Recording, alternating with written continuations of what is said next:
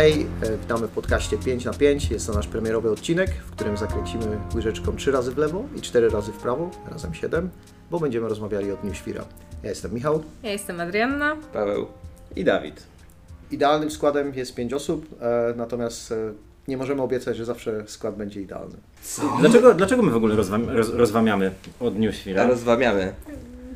Mam wrażenie, Dzień Świra jest jednak pewnym trochę legendarnym filmem. Mam wrażenie, że, że dla wielu osób jest filmem z, z pamięci. Film, który mam wrażenie z filmografii Marka Koterskiego się wyróżnia na tle tych innych, że, że gdzieś tam jednak przetrwał próbę czasu, nie tyle jako film, o tym zaraz porozmawiamy, ale bardziej w świadomości, nie? Że, że nawet z tytułów jakby pamięta się te wcześniejsze, głównie z Czarkiem Pazurą, ale czy to I love you, czy nic śmiesznego, co było w którym i o czym one były. I Dzień Świra gdzieś wygrywa tym swoim uniwersalizmem też chyba. Eee, nie wiem, ja tak, tak do niego też podchodziłem i też był dla mnie takim filmem, który oglądałem 13 lat temu i, i, i wysoko go wtedy oceniłem i z pewną rezerwą podchodziłem do ponownego seansu. Można zaryzykować stwierdzenie, że jest to film kultowy. Spełnia wszystkie znamiona filmu kultowego. Ale tak, a film kultowy nie ma jakichś seansów, na których się rzuca w ekran łyżeczką albo coś takiego, albo śpiewa? Niekoniecznie. W sensie, że, no. że wiesz, że ludzie go oglądają. Ja rozumiem, ale moim zdaniem... A nie, że obejrzeli raz dawno temu i po prostu... To ty obejrzałeś raz Pamiętam. dawno temu. No właśnie, ale no nie tylko, znaczy okej, Nie, nie, ale moja mała Świra- grupa badawcza. Dzień, Dzień Świra to jest ten film, który leci w telewizji raz na jakiś czas i wtedy wszyscy go oglądają. Tak? No ja nie wiem, bo ja nie mam telewizora, ale wszyscy, którzy mają telewizory, totalnie go oglądają. Ja chyba, chyba nie zgodziłem się z tą tezą, bo dla mnie Dzień Świra i znowu grupa badawcza jest bardzo mała. To jest e, film przede wszystkim, który jest YouTube'owy. A i mam na myśli nie to dlatego, że można go obejrzeć w całości na YouTubie, tylko bardziej z tego powodu, że klipami można go nagminnie włączać i on pewnie trafił też w takim momencie, bo jeśli on wyszedł w 2002, e, później ludzie, jakby nostalgia włączyła się później już na ten moment, kiedy, e, kiedy YouTube był, to pewnie jed- jedną z pierwszych rzeczy, która mogła tam trafić, były wycinki e, z, z Dnia Świra, z tego jak zachowuje się główny bohater e, Adaś Miałczyński, z tych wszystkich sytuacji, które pamiętamy, a do tego no, jest e, utrwalany i dostępny cały czas w kulturze też w tej, ten sposób memiczny między, między innymi, bo, bo te, te obrazy, e, które po prostu przeszły, te, te, te teksty, które trafiły do, do tej popkultury, to one są cały czas z nami obecne, bo ja nie wiem, czy to jest film, który ludzie pamiętają jako pierwszy, ale na pewno jest to taki film, który ludzie często kojarzą z tymi momentami, o, teraz lampka mi się zaświeciła, bo oglądałem jakiś tam jeden z tych kilku polskich filmów, gdzie to jest znowu ten moment, gdzie te rzeczy będą cytowane przez następne kilkadziesiąt lat, e, jak będą funkcjonowali ludzie, którzy ten film pamiętają.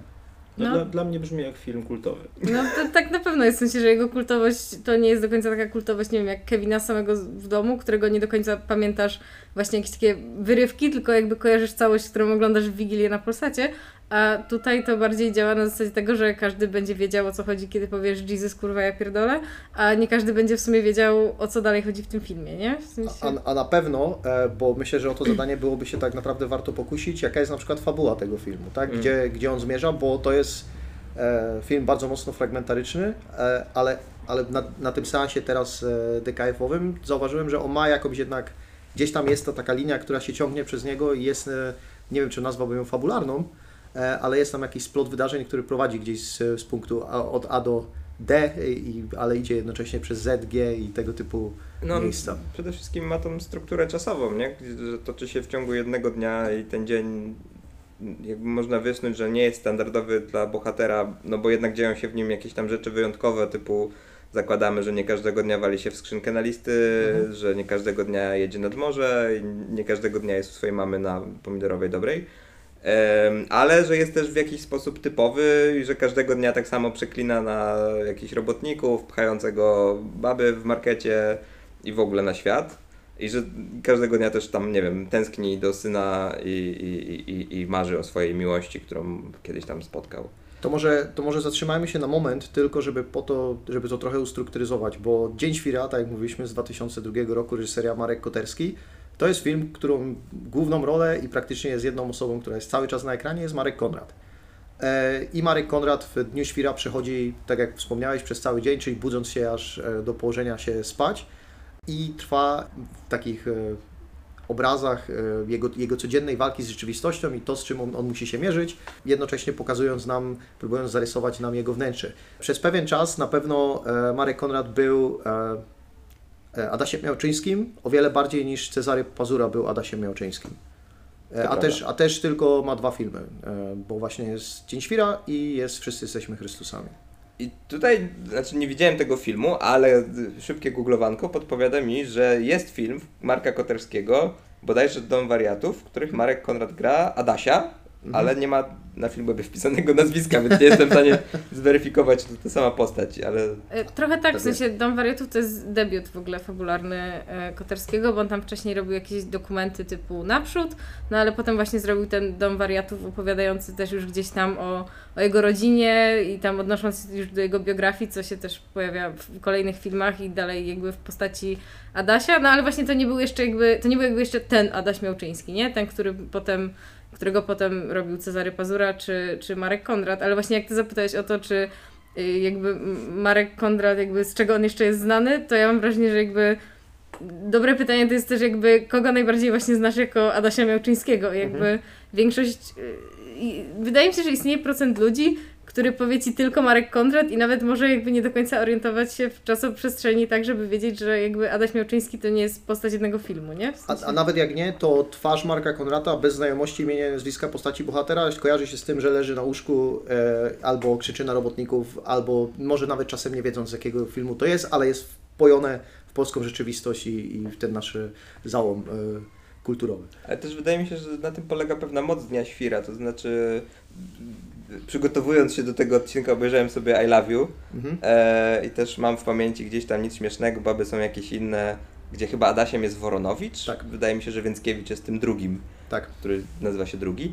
E, no ale Woronowicz tam się w ogóle nie odzywa, natomiast Dzień Świra jest skupiony bardzo na swojej postaci, nie? I, i, i z jednej strony mówi gdzieś o rzeczywistości i ma taki bardzo szeroki scope e, tematyczny, ale z drugiej strony mówi o tej rzeczywistości przez pryzmat tego bohatera, który musi się wyłonić i musi zostać zaznaczony i tak jak mówisz, no on się jednak to, że go kojarzymy z tym memem i że on trochę dla nas żyje poza tym memem e, leżącego Marka Konrada na łóżku, no to też świadczy o tym, że faktycznie ta postać tam wybrzmiewa i jakoś z czymś się może kojarzyć. No to jeszcze tak wracając do, do takiego szerszego spojrzenia na, na samą postać Adasia Miałczyńskiego, no to ona dla Koterskiego jest tym takim płótnem, bo to nie jest zawsze ten sam Adaś Miałczyński i nie mówię tego pod kątem tylko dlatego, że to jest inny aktor, e, ale też, że on odzwierciedla w jakiś sposób inne wady, e, inną stronę Adasia Miałczyńskiego, którą akurat chce się zająć, e, którą chce się zająć reżyser. Czy on jest jego alterego, czy nie, to to jest komplet, temat na kompletnie inną dyskusję, ale w każdym, w każdym z filmów to jest trochę inna osoba, naznaczona tymi podobnymi cechami, ale jednak e, badamy tym każdym filmem inny zestaw wad i myślę, że Dzień Świra się skupia na tym w pewien sposób najbardziej interesującym zbiorze cech, ze względu na to, że zagląda po prostu w głowę kogoś, kto próbuje poradzić sobie z polską rzeczywistością i ze swoją głową, którą, którą z tą polską rzeczywistością e, mu przychodzi się mierzyć. Chciałbym jeszcze zadać pytanie powracające trochę do tego, o czym mam nadzieję mówiliśmy. o czym mówiliśmy w kontekście tego, czy to jest legendarny, kultowy film e, i chciałbym zadać e, Ada tobie to pytanie, bo e, trochę cię tutaj wrzucę pod autobus, ale jesteś najmłodsza z towarzystwa i jestem ciekawy, jak jakby dla ciebie to ten film działa, czy, czy działał w ogóle, wiesz, kiedy się z nim zetknęłaś, To ja, ja dołożę. E, o, dobra, bo to jest to w sumie to pytanie, które chciałem zadać, że w którym momencie do ciebie wchodzi w świadomości film Dzień Świra i dowiadujesz się, że on jest tym, czym jest. Okej, w sensie dowiaduję się o nim jakoś na etapie powiedzmy takiego gimnazjum i to też mam wrażenie trochę, bo jakby powiem to głośno, mam 20 lat, ale brzmi na mniej, ale y, w każdym razie, y, no jakby wtedy pojawiają się memy, nie? I gdzieś tam to już istnieje i to jest takie właśnie bardzo polskie, ale ja Dzień Świra w ogóle oglądałam pierwszy raz dopiero na studiach, y, bo musiałam, a jakoś tak wcześniej mnie w ogóle tego nie ciągnęło.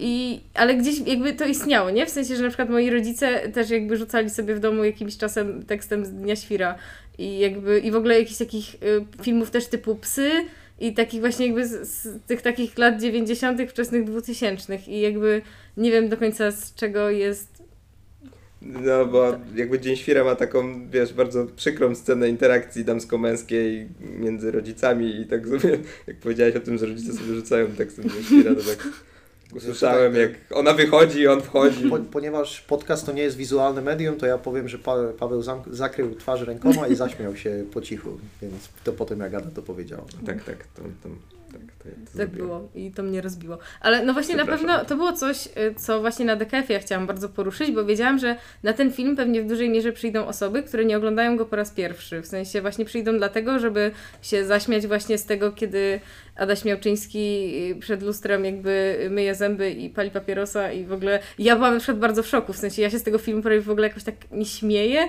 bo ja widzę jaki on jest smutny, ale może to też wynika z tego, że ja go właśnie oglądałam już mając właśnie te też prawie 20 lat i z jakimś takim bym powiedziała wysokim stopniem wrażliwości i byłam taka, ojej, smutno mi z tego pana i z jego OCD, które w ogóle szaleje, a w ogóle wszyscy się z tego naprawdę zaśmiewali. Przede mną siedział Michał i Paweł i oni w ogóle śmiali się do rozpuku, a ja tak siedziałam i bardzo chciałam wiedzieć, w sensie bardzo na przykład mnie zastanawiałam, czemu to jest jakby aż takie y, zabawne dla ludzi, w sensie Dziękuję.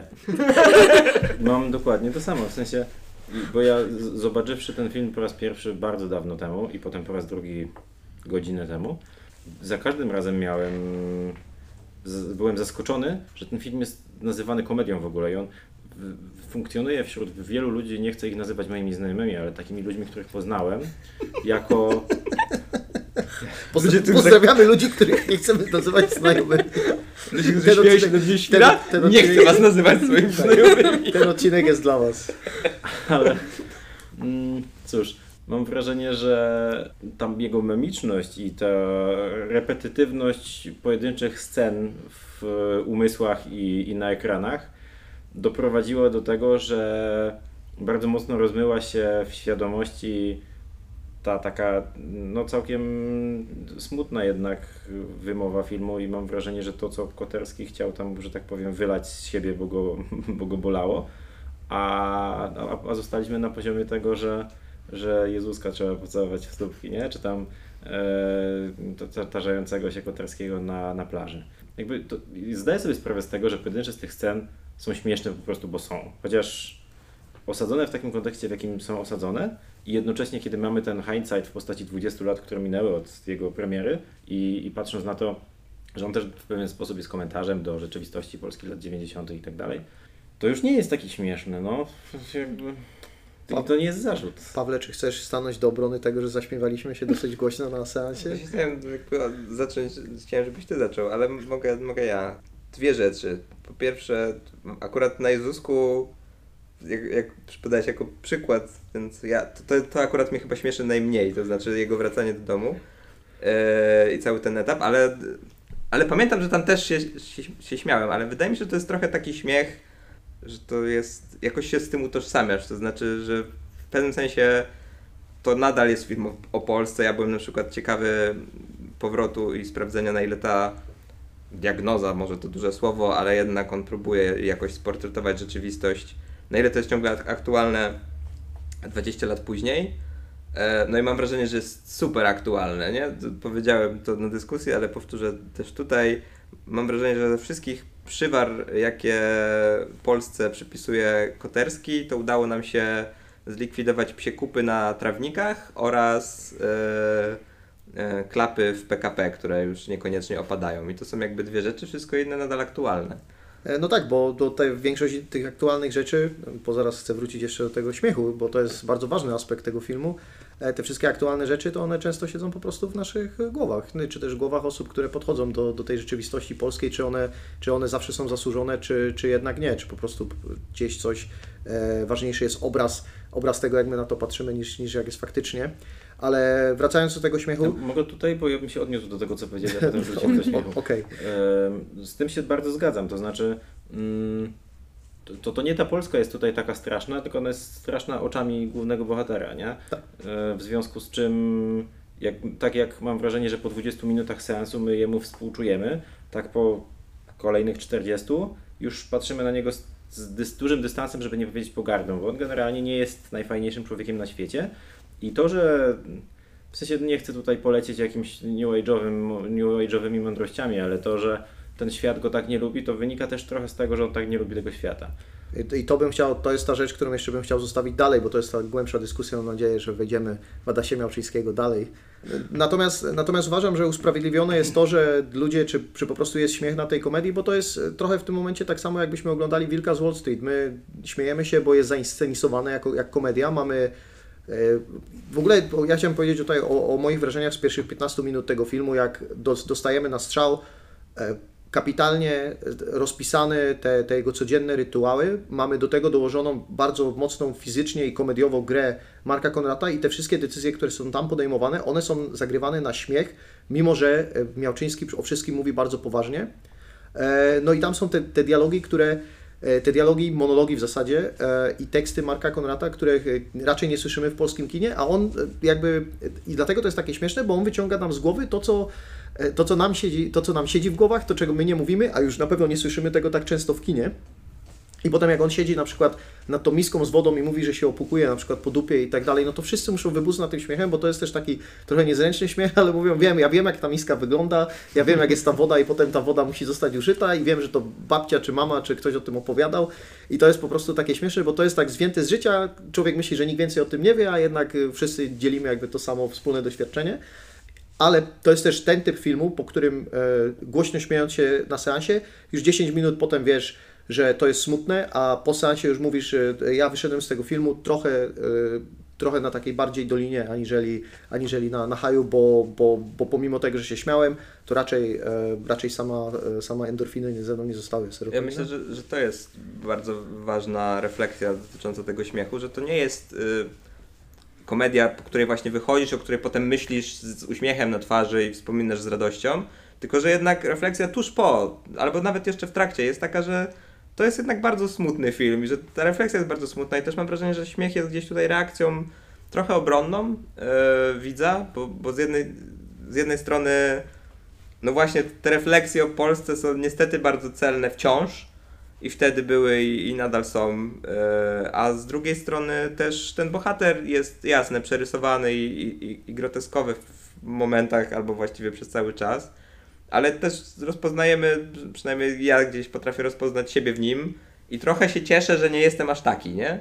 I, i ten śmiech wynika z tego, że o, o, mógłbym taki być, ale jeszcze nie jestem, jak dobrze, nie? I to jest taki trochę śmiech oczyszczający, y, jakieś takie katarzis z, tym związane. Natomiast yy, nie wydaje mi się, że, że, że, ten śmiech jest taki, wiesz, że dobry żart padł albo, albo że no, coś tu jest radosnego się dzieje, bo absolutnie, absolutnie nic się takiego nie dzieje. I nawet, nawet jak jest jakiś tekst, który, e, który Adaś Miałczyński e, daje, czy kto jakaś inna postać mówi, to to nie jest on śmieszny, dlatego że kapitalny scenarzysta wymyślił żart, z którego będziemy płakać, bo jest taki mądry i ma taką fantastyczną konstrukcję, tylko wziął naszą rzeczywistość, y, przełożył do niej krzywe zwierciadło, wstawił ją w taki kontekst, gdzie zestawił ją właśnie z tym Adasiem Miałczyńskim, który jest postacią dosyć ekstremalną, no i z tego się rodzi po prostu też komedia. Nie? W ogóle jeszcze bym się złapał jednej rzeczy, bo y, jest na przykład w filmie taka scena, kiedy, a propos psich kub właśnie, y, bohater wraca przez y, tam dróżkę w parku czy coś i pies zaczyna na niego szczekać. Jamnik na wózku inwalidzkim tak. powiedzmy. Zupełnie swoją drogą to nie jest jamnik, ten jest pies. Jamnik. Więc jakby nie rozumiem, dlaczego pani nazywa go jamnikiem, bo to jest w sensie zdecydowanie bardziej owłosiony niż jamnik, zdecydowanie mniejszy. To jest jakiś taki oldschoolowy jamnik? Ja bym powiedział, że taki coś jak, jeśli coś taki jamnik szorstko-włosy, ale nie będę tego... Za, ja zaraz muszę wykonać szybki googling, a ty kontynuuj Dobrze, to Google i sprostujemy ewentualnie tego jamnika. Natomiast y, wracając do samej y, sceny, no i ten jamnik zaczyna mu przeszkadzać, krążyć mu tam koło nóg.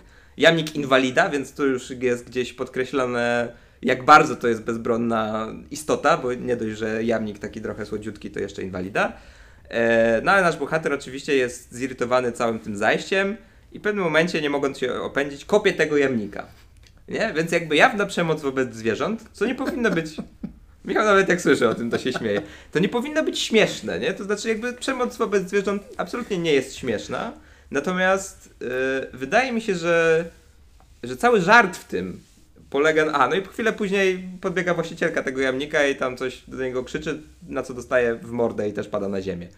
E, od bohatera dostaje w mordę. Więc przemoc wobec zwierząt i przemoc wobec kobiet na przestrzeni tam jednej minuty, ale wydaje mi się, że, e, że gdybyśmy się nie śmiali, to trochę byśmy nie zrozumieli żartu, nie? Że wyobrażam sobie, że ktoś ma reakcję na kopnięcie psa taką, że co za straszny film pokazuje przemoc wobec zwierząt. To byłam ja, totalnie. Tak? Okej. A chciałem powiedzieć, że moja mama tak na pewno by zareagowała. Pozdrawiam, mamo. Eee, że właśnie, e, ale dla mnie to jest gdzieś sedno tej sceny, nie? Że, że trochę, może, nie wiem, czasem komuś przejdzie przez myśl, że takie kurde, że te głupie psy, że czasem przekraczają pewne granice, czasem chciałoby się im coś zrobić, ale wiesz, że tak nie można. I wtedy wchodzi Adaś Miałczyński i po prostu zasuwa kopa temu psu i tej babie w twarz. E, I jakby absolutnie nie pochwalam ani przemocy wobec zwierząt, ani wobec kobiet. Natomiast śmiałem się na tej scenie bardzo. Ja, ja bym chciał tylko powiedzieć, że oprócz tego, co mówi, że Adaś zrobił to, co, o czym może ludzie czasami myślą, to to jest po prostu też reakcja na absurd rzeczywistości, tak? Że, i, I na absurd tej sceny, bo jednak w tej scenie ten jamnik dostaje kopa i leci jakieś 5 metrów. Tak, tak, przelatuje nad ogrodzeniem, Tak, tak. drzewo płotem, ale to dobrze, to ja pozwolę się odnieść, bo już jakby wy, wy, Czy już wiesz, czy to jamnik? wy wyciągnęliście dużo argumentów na temat tego, czy, czy śmiać się, czy się nie śmiać. Wiem, że to jamnik faktycznie sz- szorstkowłosy, więc jakby szanuję tutaj e, wiedzę ke, ken, kinologiczną. kinologiczną, dziękuję. E, Podcast 5 na 5 bawi i uczy. Podczas produkcji tego podcastu nie ucierpiało żadne zwierzę z wózkiem inwalidzkim. Ale słuchajcie tego, bo szukałem o tych e, Dzień Świra Jamnik, taka kwerenda w Google została wpisana. I jeden z głównych postów, w sensie no, z najwyżej e, wyrzuconych wyników, to jest post na Facebooku jak, z jakiegoś fanpage'a, który, w którym jest następujący fragment. Dzień Świra, ale ten film smutny. Jedyna scena, jaka może być zabawna, to wyga- wygarnięcie tej babie z jamnikiem.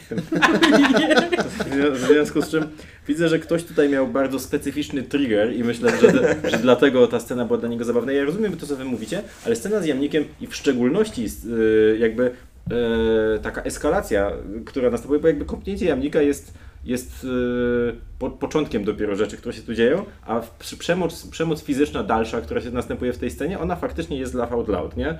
Tym bardziej jeszcze z reakcją jego, że on ucieka i jakby jego głównym zarzutem wobec siebie jest to, że jest mało asertywny. Tak, po tym, jak, po tym, jak nieasertywny, Tak, tak, tak. tak.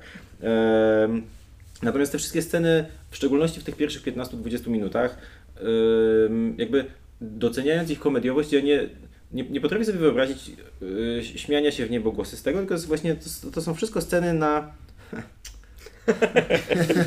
Nie wypuszczenie powietrza nosem. No, albo na wypuszczanie nosem, nie?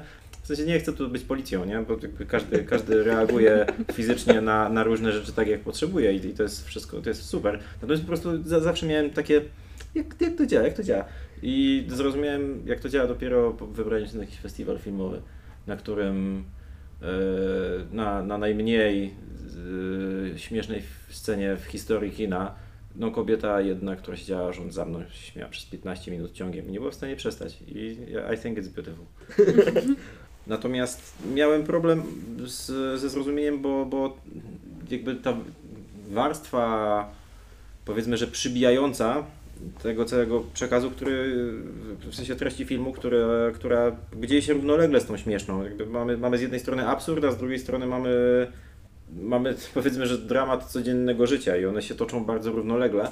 Yy, No i jednak, jednak to drugie trafiało do mnie tak mocno, że ten absurd w całej swojej śmieszności nie, nie był w stanie wywołać takiej out loud reakcji u mnie. Nie? No okej, to ja to trochę ujmę, ujmę jeszcze inaczej, bo nie chcę nazywać tego filmu kunkta, kunktatorskim, bo nie jest, ale on też 15, pierwsze 15 minut zaprasza Cię do trochę czegoś innego niż e, jak potem wjeżdża na te momenty, wiadomo, prze, przedzierane przemocą na, na zwierzętach i, i różnych takich innych sytuacjach, ale gdzieś tam potem zapra, zaprasza do lirycznego rozliczenia się z tym, co Adaś Miałczyński powiedzmy ma, ma w głowie.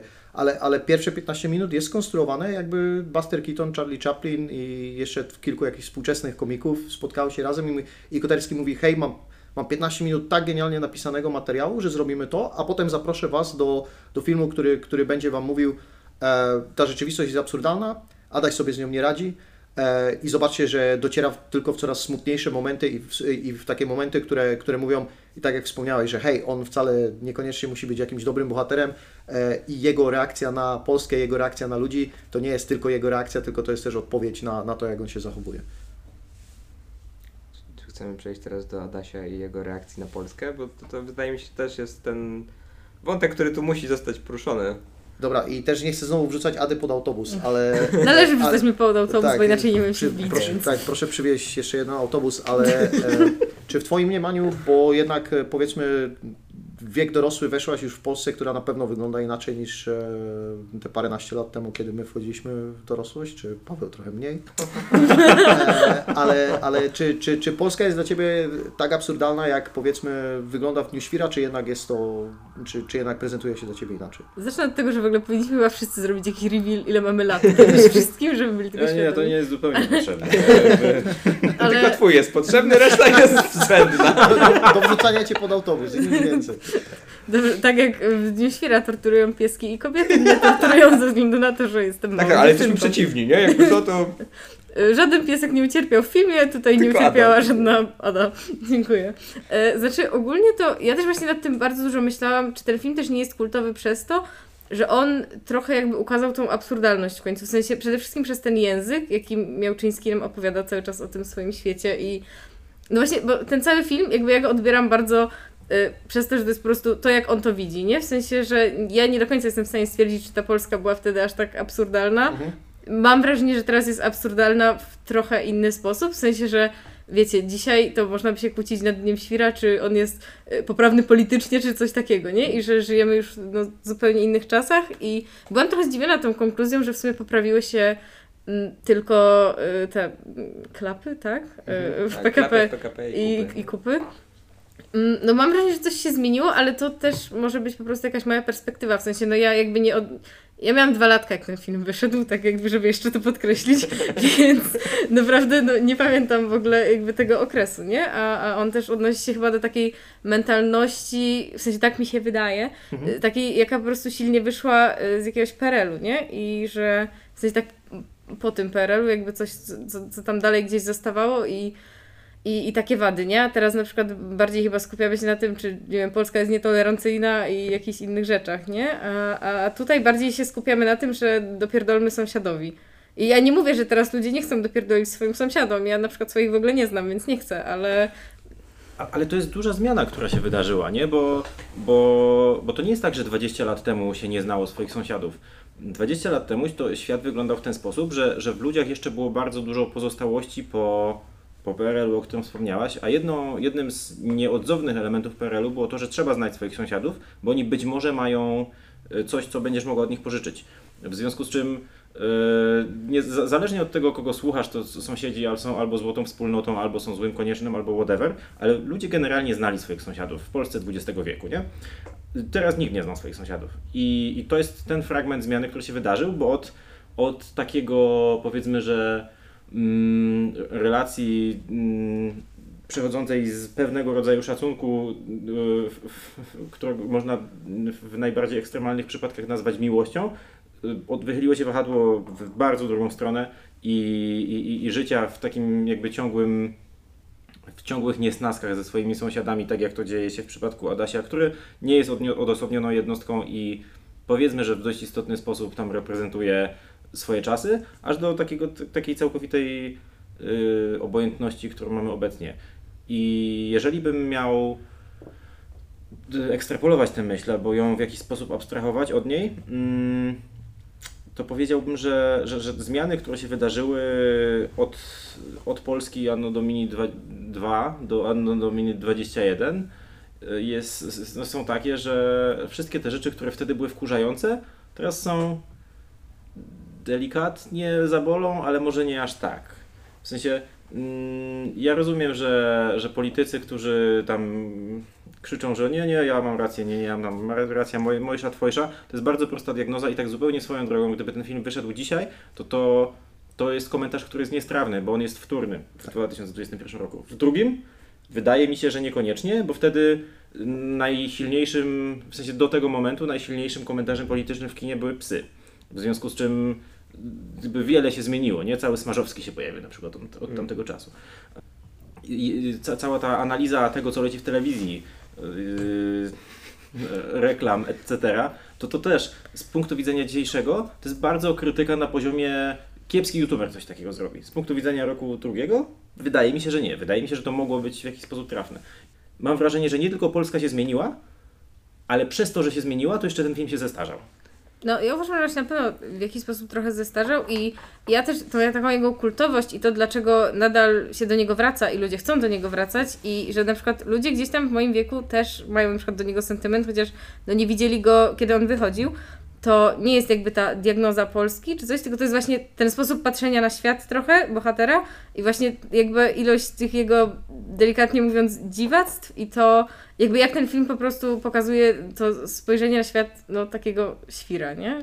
To, to chciałbym jeszcze tylko dołożyć do tego, że e, ten film też zachował się w, tej, tej, jakby tej naszej pamięci, bo to, co Ty wspomniałeś o tym, że na przykład ten fragment z tymi reklamami, który się pojawia, który to jest jeden z tych najbardziej znanych fragmentów, jak on siedzi przed tym telewizorem, próbuje zjeść te cztery biedne kanapki, które sobie, czy dwie biedne kanapki, które sobie przygotował i ogląda te, te żenujące, wstrętne reklamy, e, które są niejako odzwierciedleniem tego, co jest w tele- w telewizji, co patrząc na reklamy w telewizji czasem to jest nadal prawda, to bardziej pokazuje moc tego filmu pod względem tego, że Koterski miał naprawdę mnóstwo pomysłów, które do, te, do niego wsadził, że on był gotowy, że on przygotował po prostu pięć takich reklam, z których praktycznie każdą mógłbyś opowiedzieć i każdą pamiętasz, jak ona wizualnie wyglądała, bo on złapał i mówi, aha, reklamy się kręci w ten sposób, one opowiadają o takim produkcie, ja to podkręcę jeszcze dalej i już zostaje zapamię zapamiętywalne. E, Mamy te wszystkie, e, te wszystkie e, relacje, które on nawiązuje z poszczególnymi postaciami, które my jesteśmy w stanie rozpoznać gdzieś tam z naszego życia, też oczywiście jakby podkręcone i on nazywa te problemy, a jednocześnie przedstawia je w takiej ciekawej formie filmo- filmowej. I uważam, że tak, tak jak Ty Ada wspomniałaś, że to, co jest tutaj takim clue, to jest jeszcze ten język, bo na przykład ja mam często w polskich filmach problem z tym, że dialogi zawsze są sztywne, że nie, nie służą temu, żeby przekazywać jakieś myśli czy żarty w taki fajny sposób, a Podobnie trochę jak rzeczywistość, to Koterski bierze język, e, przeinacza go, robi, robi te mnóstwo powtórzeń i wprowadza jakby pewne zwroty, które się wprowadzają po prostu na stałe do języka i jeszcze dokłada do, do tych wszystkich elementów, o których wspomniałem wcześniej, co powoduje, że ten film po prostu składa się na taką całość, która z nami zostaje na, na, na dużo dłużej. Ja, ja mam dwie myśli związane trochę z tym, o czym i ty Ada mówiłaś i Dawid. Z jednej strony, czy w ogóle ta myśl, że dzisiaj zastanawialibyśmy się nad tym, czy ten film jest politycznie poprawny, mnie jakoś w ogóle zszokowała, bo faktycznie tak by było, a i wydaje mi się, że to też jakby trwało, znaczy jeszcze parę lat po Dniu Świra było pewne przyzwolenie, wydaje mi się, że baby są jakieś inne, są jakimś taką granicą, po której już pewnie się nie dało rzeczy zrobić. E, i, I też to jest jeden z tych filmów, do których boję się wracać dzisiaj, bo wtedy mi się bardzo podobał, a dzisiaj już pewnie w ogóle. Natomiast e, chciałem wrócić do tej polityki i do tych reklam, bo rozumiem argument o tym, że dzisiaj zrobiłby to tam kiepski youtuber czy youtuber po prostu. Em, natomiast wydaje mi się, że siła tego e, z perspektywy czasu tkwi właśnie w tym, że, że możesz zrzucić to na estetykę wczesnych lat 2000, a jednocześnie to nadal jest aktualne. To znaczy, jakby ja na scenie z politykami miałem takie poczucie, że jak, jak czytając, nie wiem, Marka Aureliusza, Aureliusza Rozmyślania, że 20 lat temu to wyglądało dokładnie tak samo, jak wygląda dzisiaj. Nie? Moja prawda Mojsza i tam jedni religijni, jedni bardziej w prawo, drudzy bardziej w lewo, ale wszyscy krzyczą to samo tak naprawdę. Nie, nie, to, to ja się z tym zgadzam. Chodzi bardziej o to, że to nie jest specjalnie spektakularna obserwacja nie? rzeczywistości. To prawda, znaczy bardziej wydaje mi się, znaczy wydaje mi się, że ona nie musi być spektakularna, że jej moc tkwi w tym, że ona i jest jakimś, jakby wie- wiesz o co mu chodziło 20 lat temu i widzisz to dzisiaj i myślisz sobie zero progresu, 20 lat minęło, jesteśmy dokładnie w tym samym miejscu, jakby dyskutujemy może o innych rzeczach i trochę inaczej, bo może właśnie gdzieś o tej poprawności częściej i, i, i, też może skala świata się zmieniła, bo wszedł internet i nagle nasze problemy już nie kończą się tylko na Polsce. E, no ale z drugiej strony styl rozmowy ten sam, e, jakby podział polityczny bardzo podobny, e, tylko że może jedni się skumali z drugimi i, i tyle, nie? I dla Biało- mnie to było takie... Bia- biało-czarni są istotniejszą siłą dzisiaj niż, Tak, niż tak, tak. wtedy. Bia- Biało-czarni tam się skumali z e, chyba czerwonymi.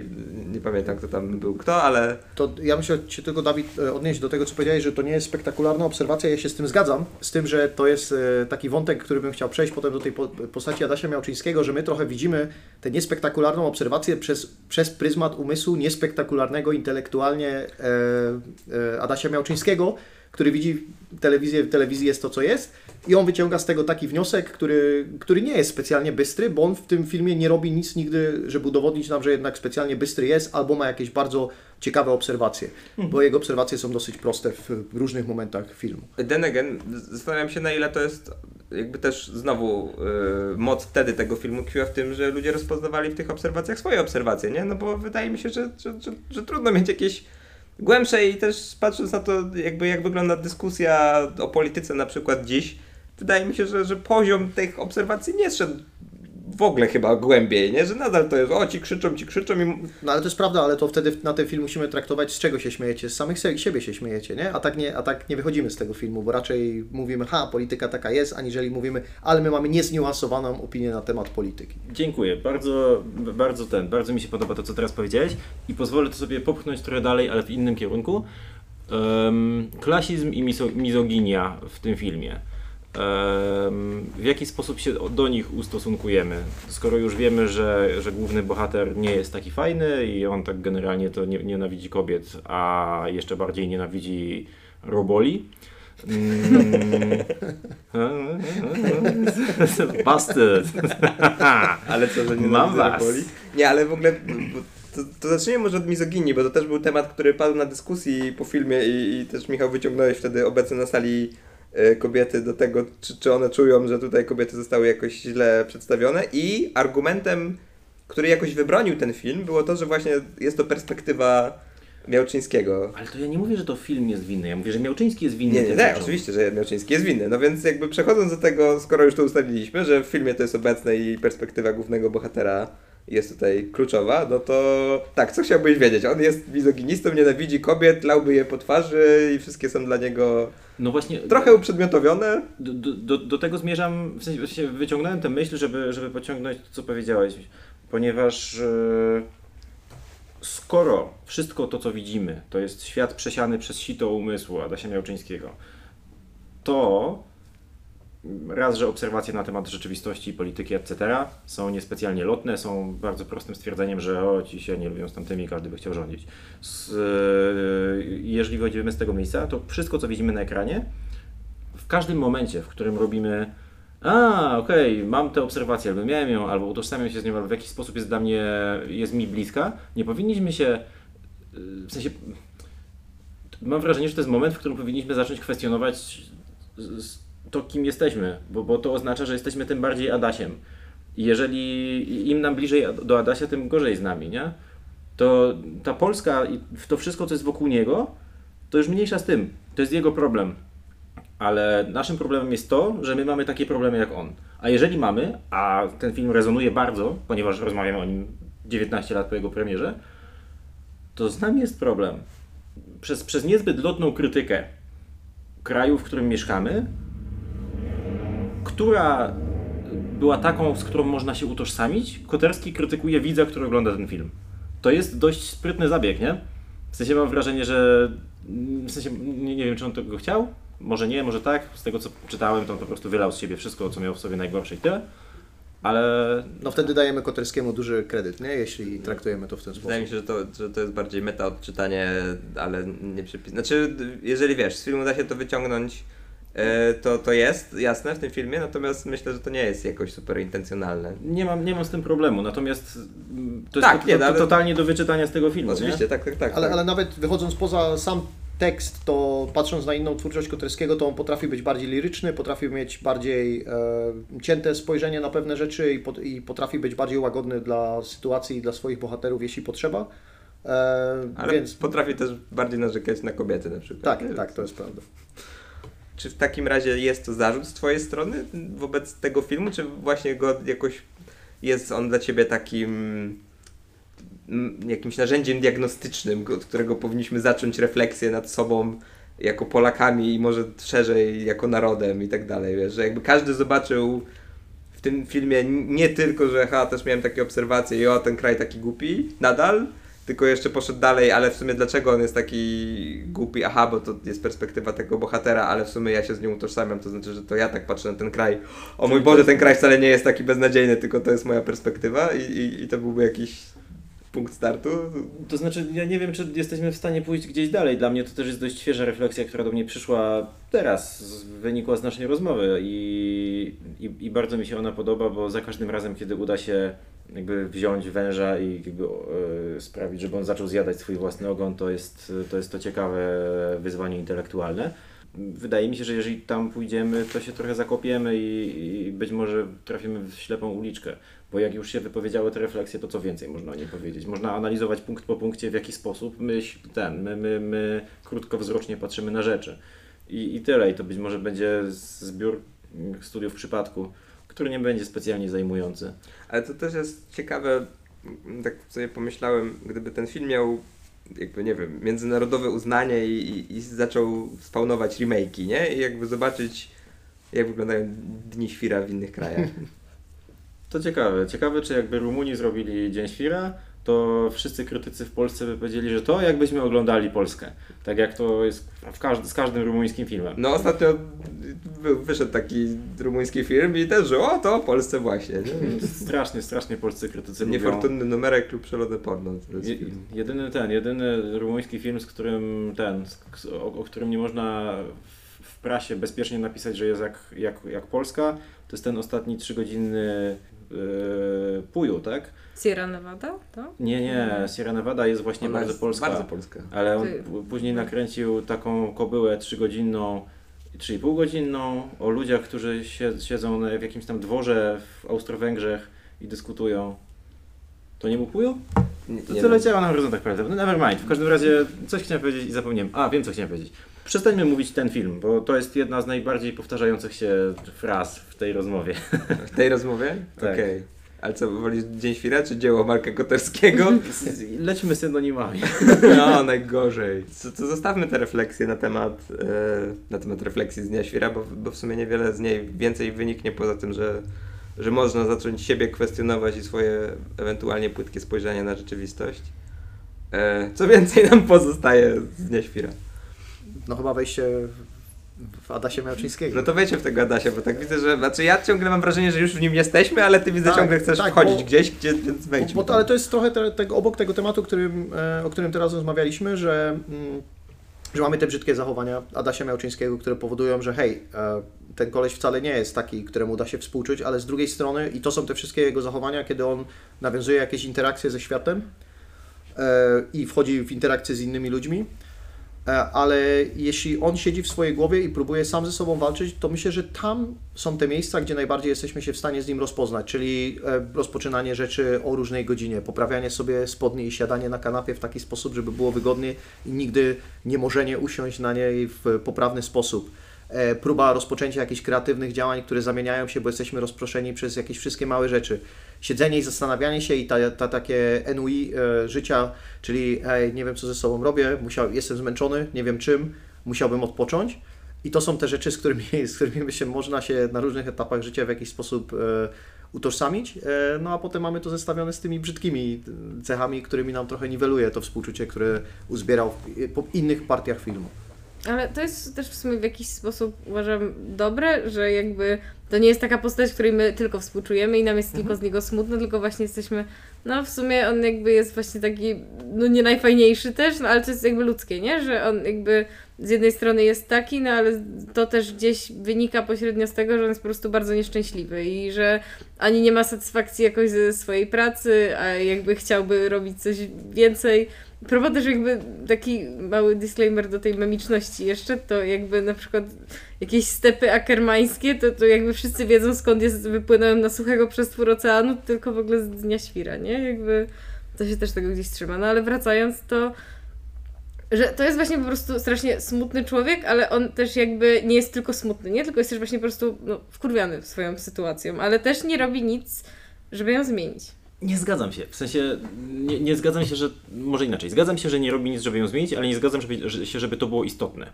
To nie jest to, że, że on jest y, postacią nieaktywną, y, tam, która po prostu świat się na nią wylewa i on to bierze y, na siebie i narzeka, jak bardzo ma źle. To nie jest problem z nim. Problem z nim jest taki, że on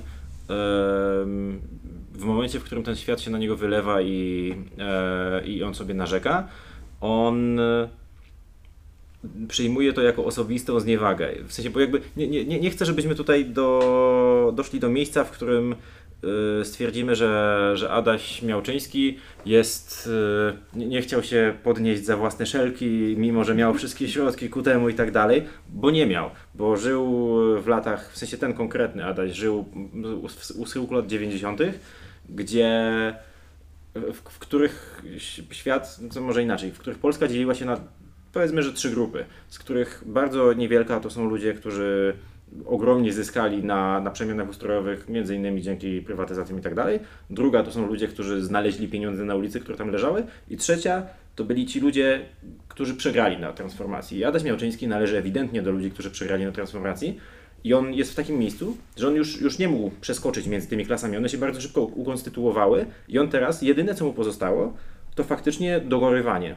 Mm, w związku z czym y, brak współczucia wobec niego może wynikać tylko z tego, że on jest po prostu obrzydliwą osobą, a nie z tego, że, że nie chce poprawić swojej sytuacji.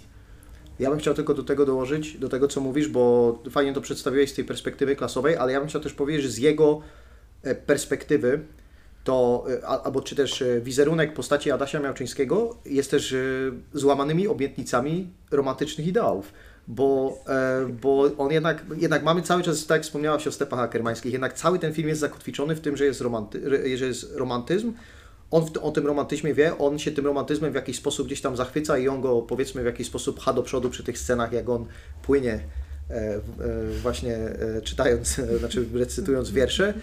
E, ale e, i, i, mamy tutaj jakieś oparcie się o indywidualizmie, że, że ten świat, że on będzie mógł z tym światem wygrać, a to już dla niego się tak naprawdę dawno skończyło i one teraz, jak te obietnice zostały niespełnione, to, to, on nie wie, to on nie wie, co ze sobą zrobić, oprócz tego, że jeszcze funkcjonuje w tej normalnej rzeczywistości, gdzie są pieniądze, e, które, którymi mu ktoś daje w twarz i tak dalej, i tak dalej żeby było więcej tego romantyzmu, to jakby podstawową ścieżką dźwiękową jest puszczany z y, taniego boomboxa Chopin. Tak jest.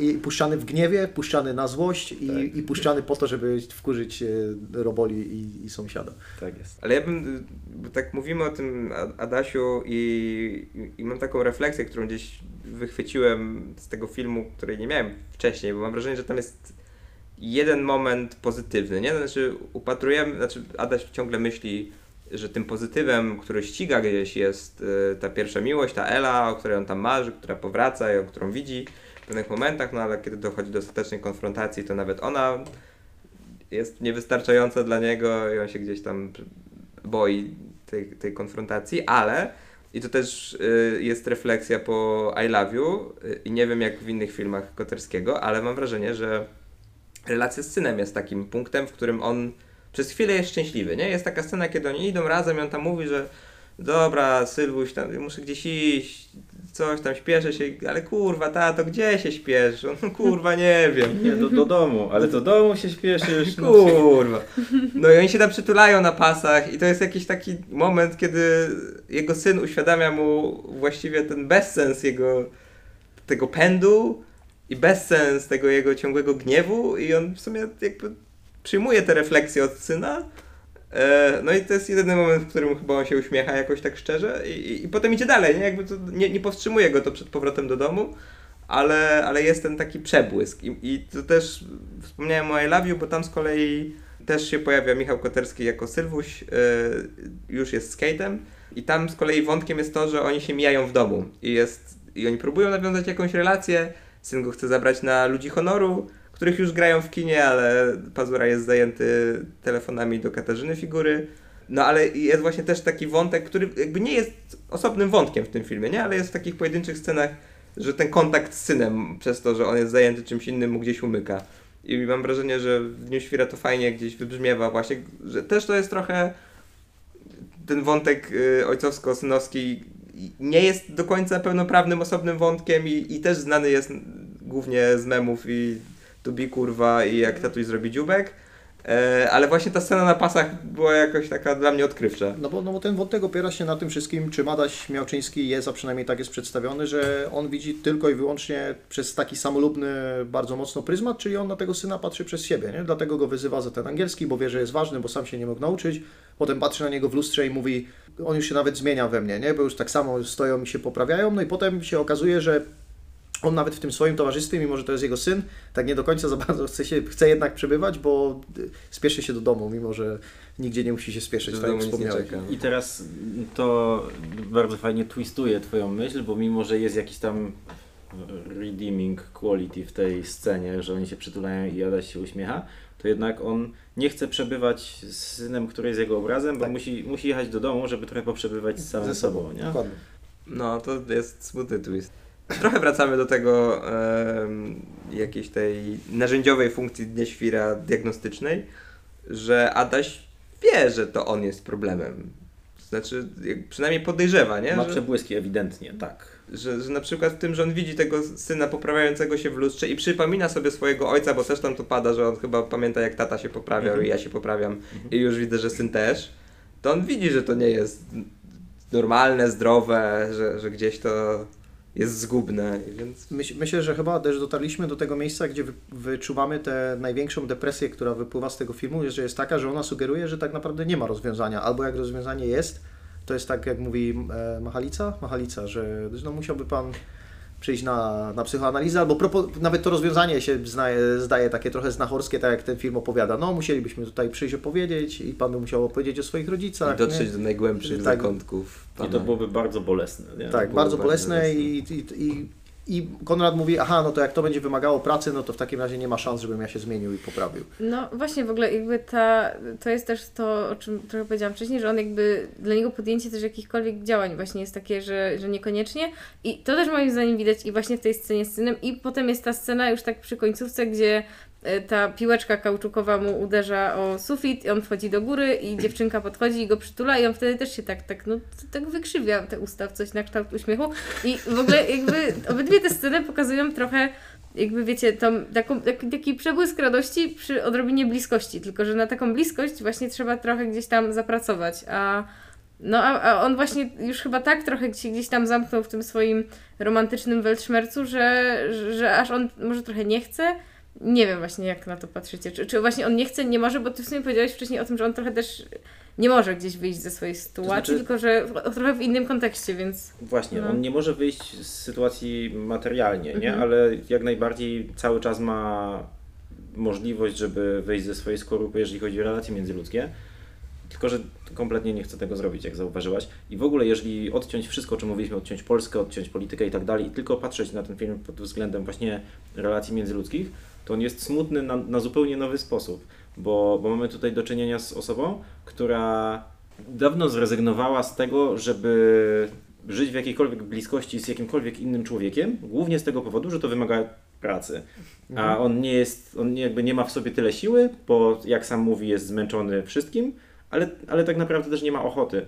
Mm, bo bo ten, to, to jego codzienne, dramatyczne funkcjonowanie jest dla niego po- poniekąd wygodne. I tu mi się przypomina fantastyczny, fantastyczny e, cytat z Bojacka Horsemana, który, który chodzi ze mną od bardzo długiego czasu. Marek Konrad, czy też właściwie Adaś Miałczyński w tym filmie fetyszyzuje, fetyszyzuje swoją, swój własny smutek.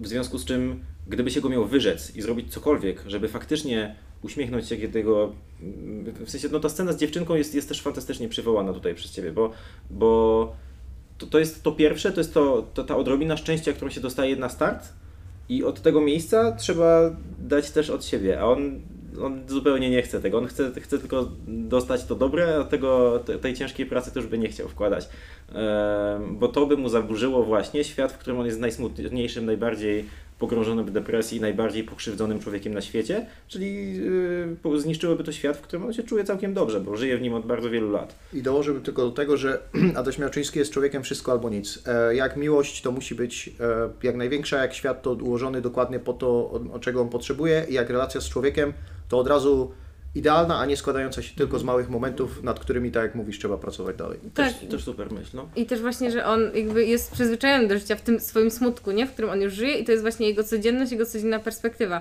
A jeśli wystawiłby się na jakąś bliskość, to wystawiłby się też jednocześnie na jakieś cierpienie, którego on nie zna i nie wie do końca, jakby je może oswoił w tym swojej codzienności.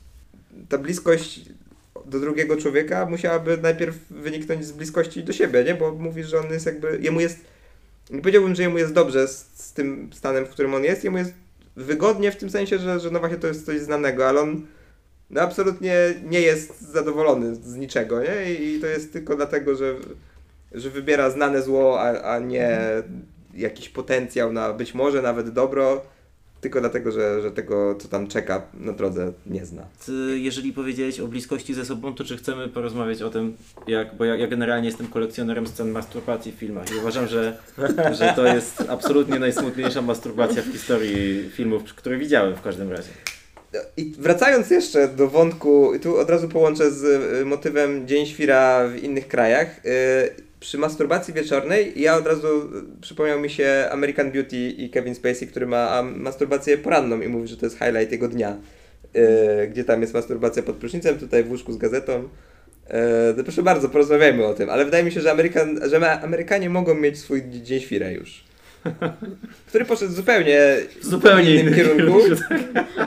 Ale to też jest ciekawe, nie? Bo tam z kolei jest jakiś bohater, jak- jakaś, jakaś chwytanie amerykańskiego snu i tak dalej, więc też się mierzą z jakimiś takimi mitami. My tutaj... Tam, tam też są, e, jak to było, e, obietnice, mm, Złamane obietnice? złamane obietnice, tylko że, że, że w Dniu Świra mamy złamane obietnice polskiego romantyzmu, a tam mamy złamane obie- obietnice właśnie amerykańskiego snu.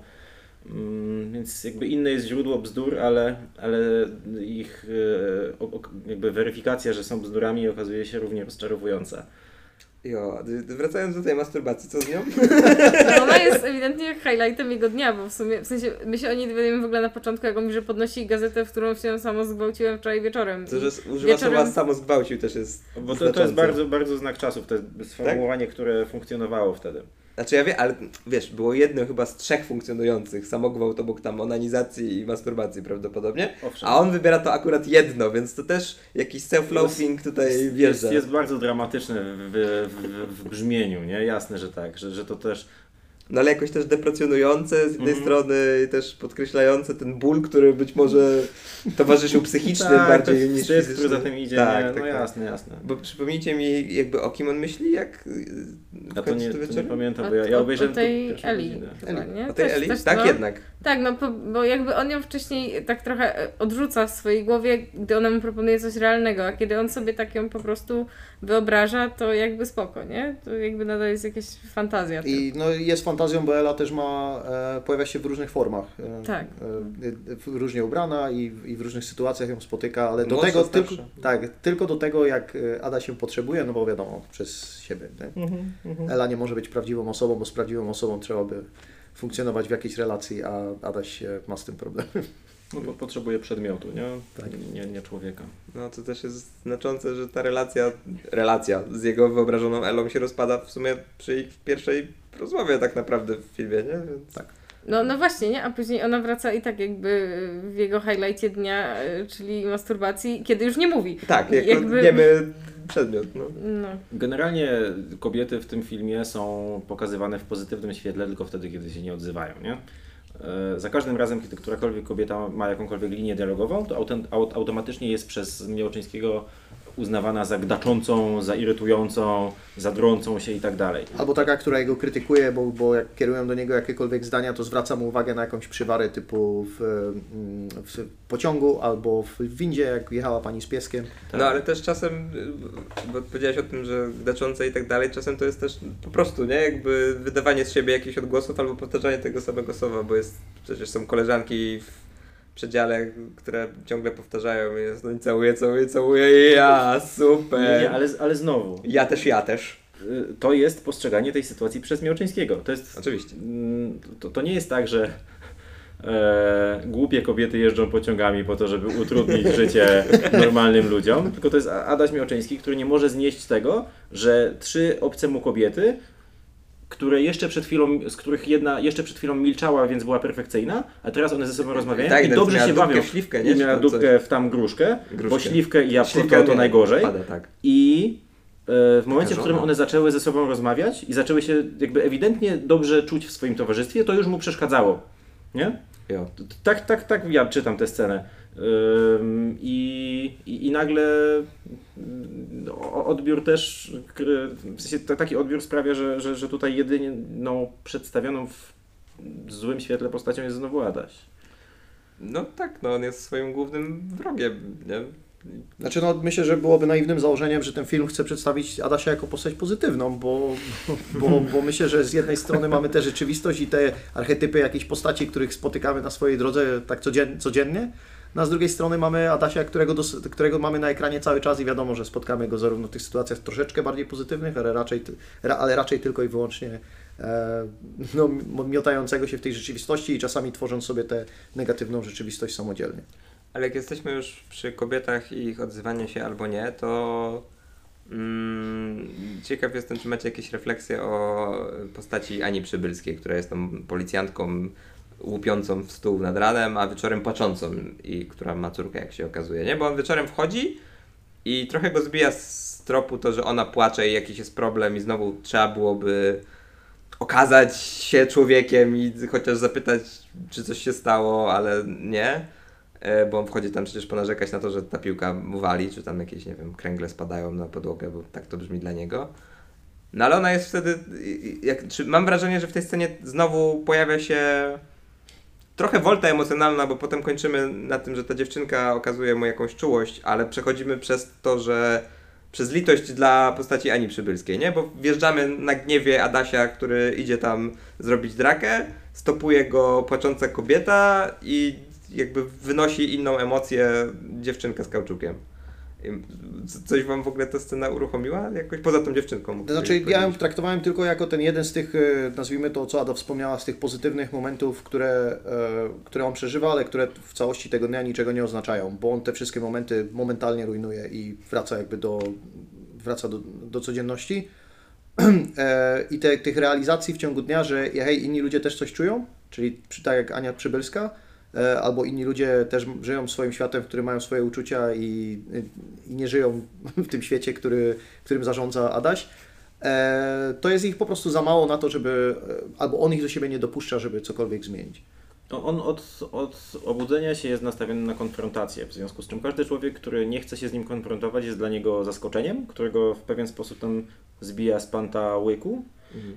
Um, ale to, to tak, jak, tak jak mówisz, nic nie zmienia finalnie na, na, na, koniec dnia on, on dalej jest wkurwiony, nie? No bo, no bo gdyby ta relacja też coś zmieniła, to może modlitwa Polaka, którą on sobie wyobraża, e, no bo tak musimy chyba to czytać, to byłaby, mogłaby też miała, mogłaby mieć inny wydźwięk, bo gdyby to był film bardziej amerykański, użyję tego trochę zwykłego określenia, to, to może on by, on by poszedł spać i byłoby inaczej, nie? że mielibyśmy te pier, jakby była Pierwsza e, modlitwa Polaka, którą on usłyszał, byłaby taka, jak mielibyśmy na koniec filmu, ale ta na koniec już by była taka, że by stała jakaś mała dziewczynka, na przykład, która się nie modli, nie? Z innymi Polakami. I by było początek drogi z przemiany Adasia Miałczyńskiego, a ten film jest bezwzględny. Mhm. Nie ma, te, takie małe rzeczy z dnia nie powodują zmiany w człowieku, który funkcjonuje w tym świecie te 49 lat, 7 razy 7.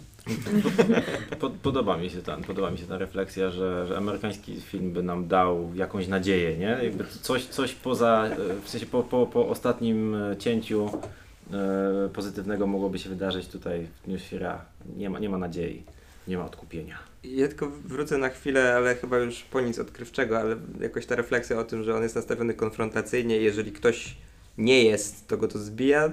Mam wrażenie, że też dwie sceny z Grabowskim, tam w sumie są trzy, ale e, pomijam tę pierwszą o gumkach od Wietnamczyków, e, ale jest jedna scena na plaży, kiedy Grabowski go nie słyszy tak. i wtedy Adaś się przed nim uzewnętrznia, tak.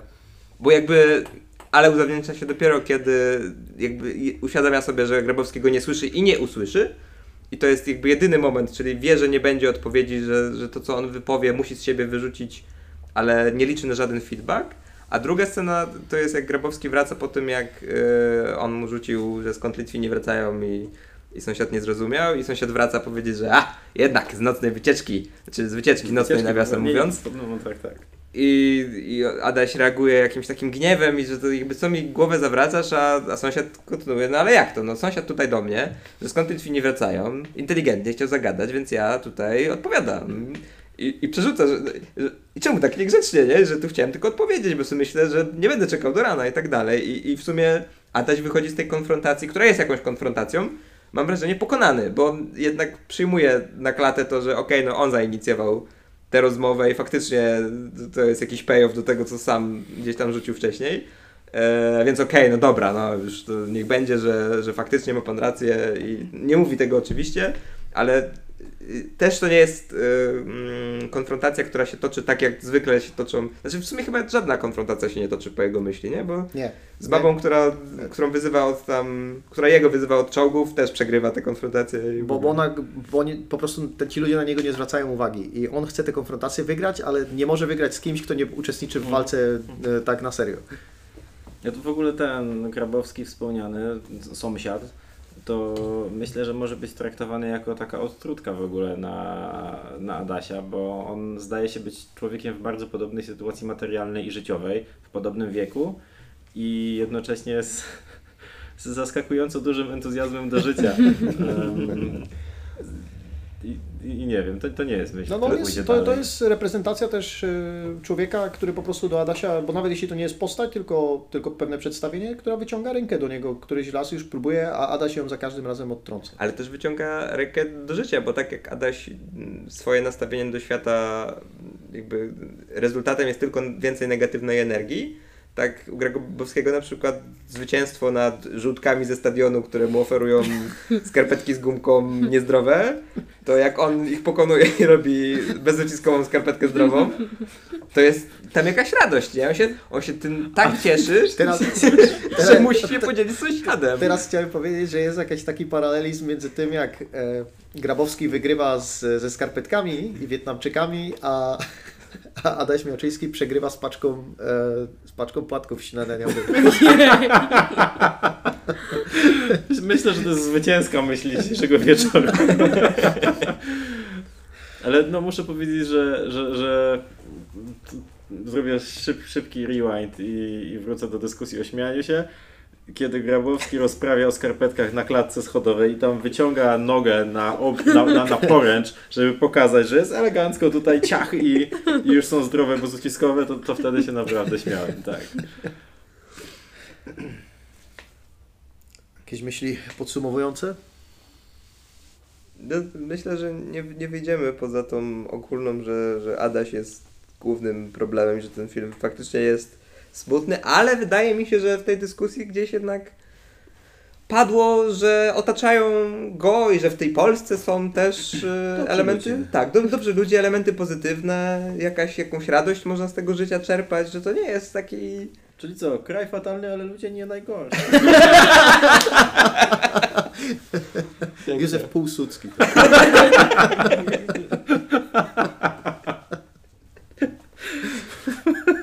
E, Ada, ostatnie słowa. Czy zostałam znów wrzucona pod autobus? Nie, no, Dobrze. zbie, zbieram, Paweł rzucił swoje ostatnie myśli, więc zbieram ten, jeśli nie chcesz.